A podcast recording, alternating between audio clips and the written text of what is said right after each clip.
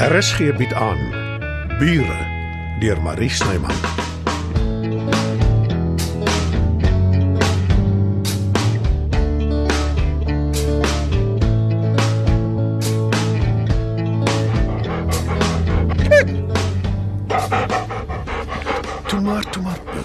Bixie, dis sommer gou oor en verby. En dis vir jou eie beswil hond. Ek verstaan dit mos nou nie, Matilda. Ek onthou die ouetjie goed mevrou. Hy's doodsbang vir 'n inspuiting naald. Jou vorige man het nog 'n slag met hom gehad. Dit was sy hond en dit is nie my man nie. Moen nou nie die ouetjie ontstel nie, Matilda. Spuit hom tog net in en kry klaar. Nou goed. Ooh, as dit iets op sy bek moet punt, hy wil my byt. Ag nee, dis dis onnodig. Nee, hy hy Ek, ek, ek sal hom vashou. Dan dan kom jy van die ander kant af. Ag, Kom, kom, kom, kom, kom. So, ja my seun, dis nie so erg nie. En daar's dit alles verby. Sê mooi dankie vir die dokter. Die dokter is die een wat met dankie sê vir jou. As ek daarom so aantreklike dokter gehad het, Bixie, ek sou haar beslis nie wou byt nie. bring jy die hond asseblief. Ek gaan betaal so lank. Dankie Samantha. Hoopelik is ek nie aan diens volgende keer as hy sy inspuitings nodig het nie. Toe nou boksie. So erg is dit darm nou ook nie. Steur jou nie aan haar nie, my honde. Sy is harteloos. Nou toe. En is jy? Nee, nee, nee, nie op die voorste sitplek nie. Kom, kom, kom, kom, kom. Agterin. Ja, ja, ek weet dis klein, maar jy kan jou uitstrek. En ek glo dit nie. Hy weier. Wel, jy laat hom toe om op jou bed te lê. Hy reken seker hy moet voorlangs jou sit in die kar. Maar ek kruip beslis nie agter in die klein gaatjie in nie. Ek bestel vir my 'n Uberhuis toe. Nee, nonsens. Hy moet luister. Kom Bixie. Toe. Wees nou soet en klim agterin. Ek glo dit nie. Hy kyk reg as ek met hom praat. Dis wat gebeur as jy 'n hond bederf. Nou van gepraat. Ah, kyk wat het ek my ou maatjie lekker biltong. Spring agterin en dan gee ek dit vir jou. So ja. Nou kan jy inklim met hulle. Tussen jou en Buxie maak julle van alles 'n drama. Gelukkig hoef ons dit eers weer oor 'n jaar te doen. Volgende keer kom jy alleen. Volgende keer. Jy weet wat ek bedoel. Nee, regtig nie. Maar ek gaan my eie aannames maak. En ons hond stem saam.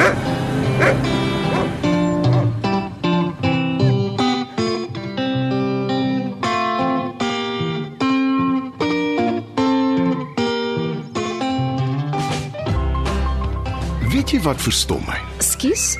Ek sê goed met raai raai speletjies nie. Die twee loeries. Hulle bly net in Matilda se tuin. Hulle vlieg nooit oor die nat nie, ook nie in Dita of Albert se rigting nie. Ek wonder hoekom. Jy vra die verkeerde mens. Ek sien 'n voelkenner nie.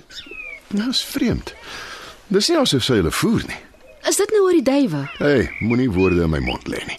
Ek het net gesien hoe sy die twee mekaar in soen in haar doringboom. Volsoen gaan mekaar hier. Wel, daai twee is die uitsondering. Kyk, kyk net daar. Dit lyk nogal so ja. Sien, is van staal ook sien ek. Hulle skrik nie eers vir die duwe nie. Jy dink ek moet ophou om hulle te voer, nê? Nee. Wat ek dink is nie ter sake nie, maar ja, dis nie 'n goeie gewoonte nie. Imelda het dit begin. Hoekom? Weet ek nie. En ek ek sal sleg voel om op te hou daarmee. Maak dit enigsins sin? Jammer. Jy kan maar antwoord. Ek sien so tiranie. 'n Verkeerde nommer. O. Oh.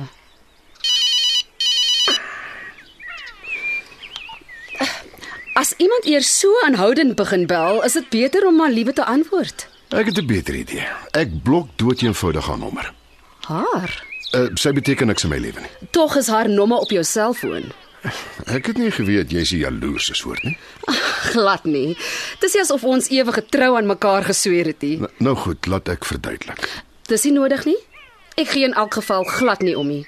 Hoekom glo ek jou nie? Seker hoe jy my nie goed genoeg ken nie.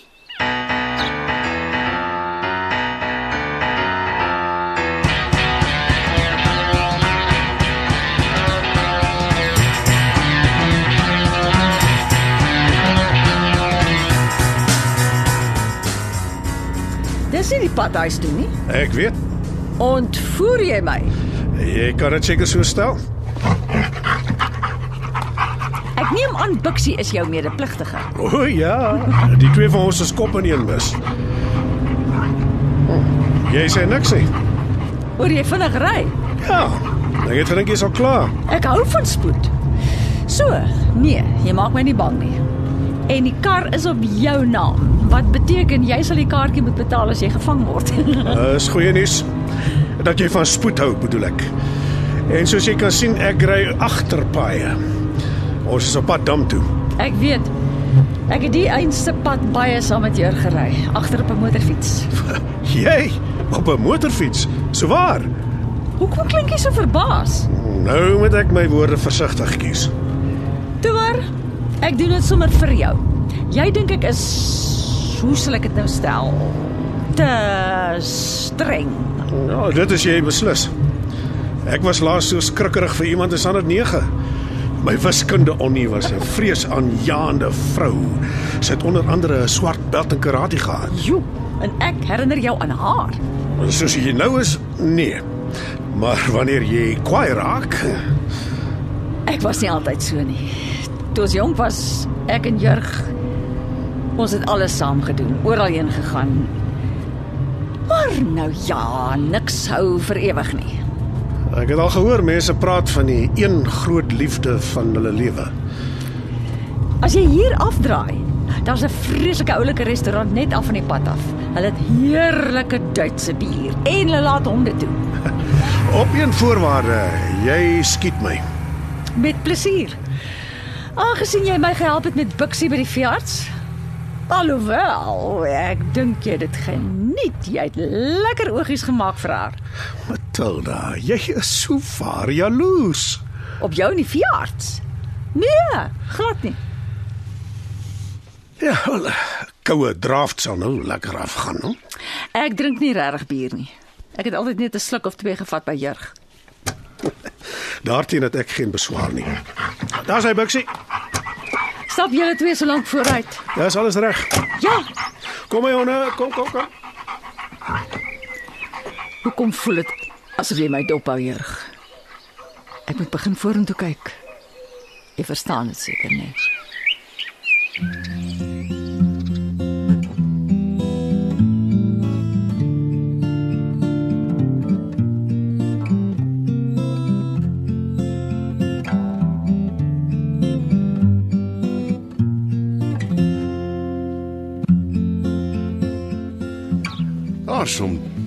klomp duwe hier vanmiddag.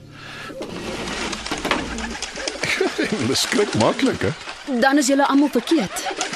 Julle almal soos in ek en wie nog. Al my bure. Die hele lot van julle wat om my bly. Hoeveel keer moes ek al hoor hoe onnosel 'n stadsduif is hy? So jou argument is as hulle kan skrik, is hulle slim.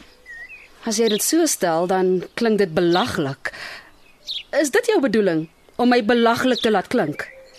Die oproepe van vroeër. Ek het lankal daarvan vergeet. Nog iets van die duwe. Hulle kom elke dag dieselfde tyd hier na toe vir hulle kos. Dis pure Pavlov. So waar. Ja, die teorie van klassieke kondisionering. Dankie vir die verduideliking. Jy dink ek's net so dom soos die duwe nê? Dis nie die eerste keer dat jy aangaan daaroor nie. Nee, Marlene. Ek dink beslis nie jy's onnosel nie. Inteendeel. Maar ek dink wel jy raak te maklik ontstel oor die geringste dingetjie. Waar kom jy daaraan ek's ontstel? Nou goed, die vrou wat gebel het. Wil jy weet nie, stel nie belang nie. Jy gee seker nie om om vir jouself iets te maak om te eet vanaand nie. Ek wil vroeg gaan slaap. Die son is nog eers onder nie. Ek het 'n besige dag môre en 'n lekker boek om te lees. Nee, ek aanvaar dit nie. Ekskuus. Ek gee om vir jou, jy weet dit. Niks kan iets daaraan verander nie. Ek het oorhaastig in 'n ding ingespring met jou. Nonsens. Wel, dis hoe ek voel. Of jy nou daarmee saamstem of nie. Moet ek vir my 'n ander blyplek kry? Maak soos jy wil. Dis mos wat mans gewoonlik doen. Hoe loop iets so vinnig, so ongelooflik skeef?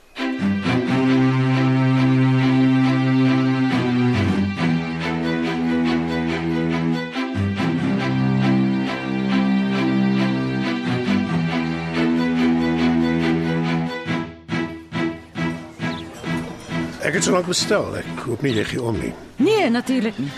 Uh, wat kan ek vir jou kry?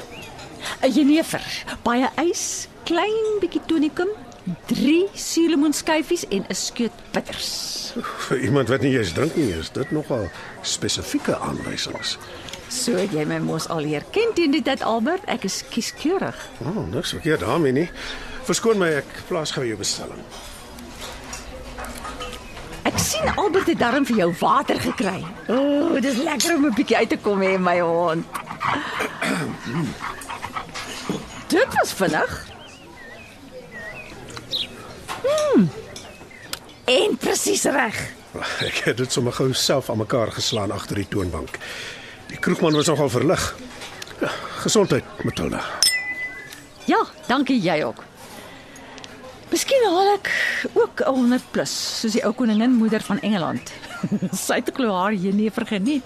Ek het nie geweet jy's 'n aanhanger van die koningshuis nie. Glad nie. Ek het dit toevallig iewers gelees. Sy het elke dag een gedrink of dalk twee. En nou? As jy my so aankyk, Jy verbaas my elke dag meer en meer. dis oor jou, nie oor my nie. Jy gedra jou beter deesdae. Dis hoekom ek meer verdraagsaam is. En dan is daar ook Bixie. Hy het besluit hy hou van jou. En honde is nooit verkeerd nie. Veral die honde wat vol struisbiltong kry om aan te smil nie. Ja, Kan ek jou 'n persoonlike vraag vra?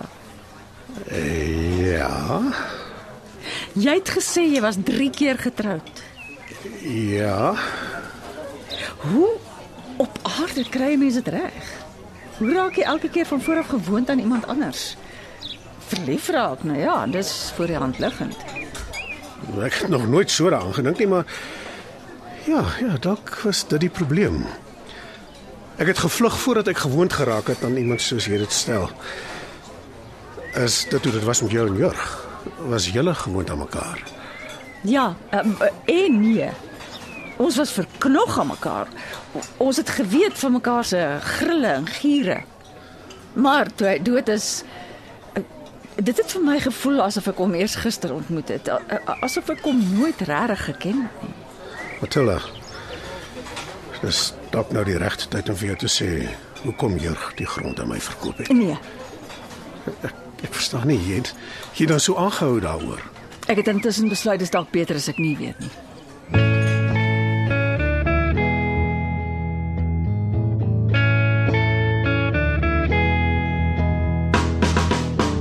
Bure word in Johannesburg opgevoer deur Marie Snyman. Die tegniese versorging word behartig deur Bongie Thomas. Evert Snyman is verantwoordelik vir die musiek en byklanke. Bure is geskryf deur Marie Snyman.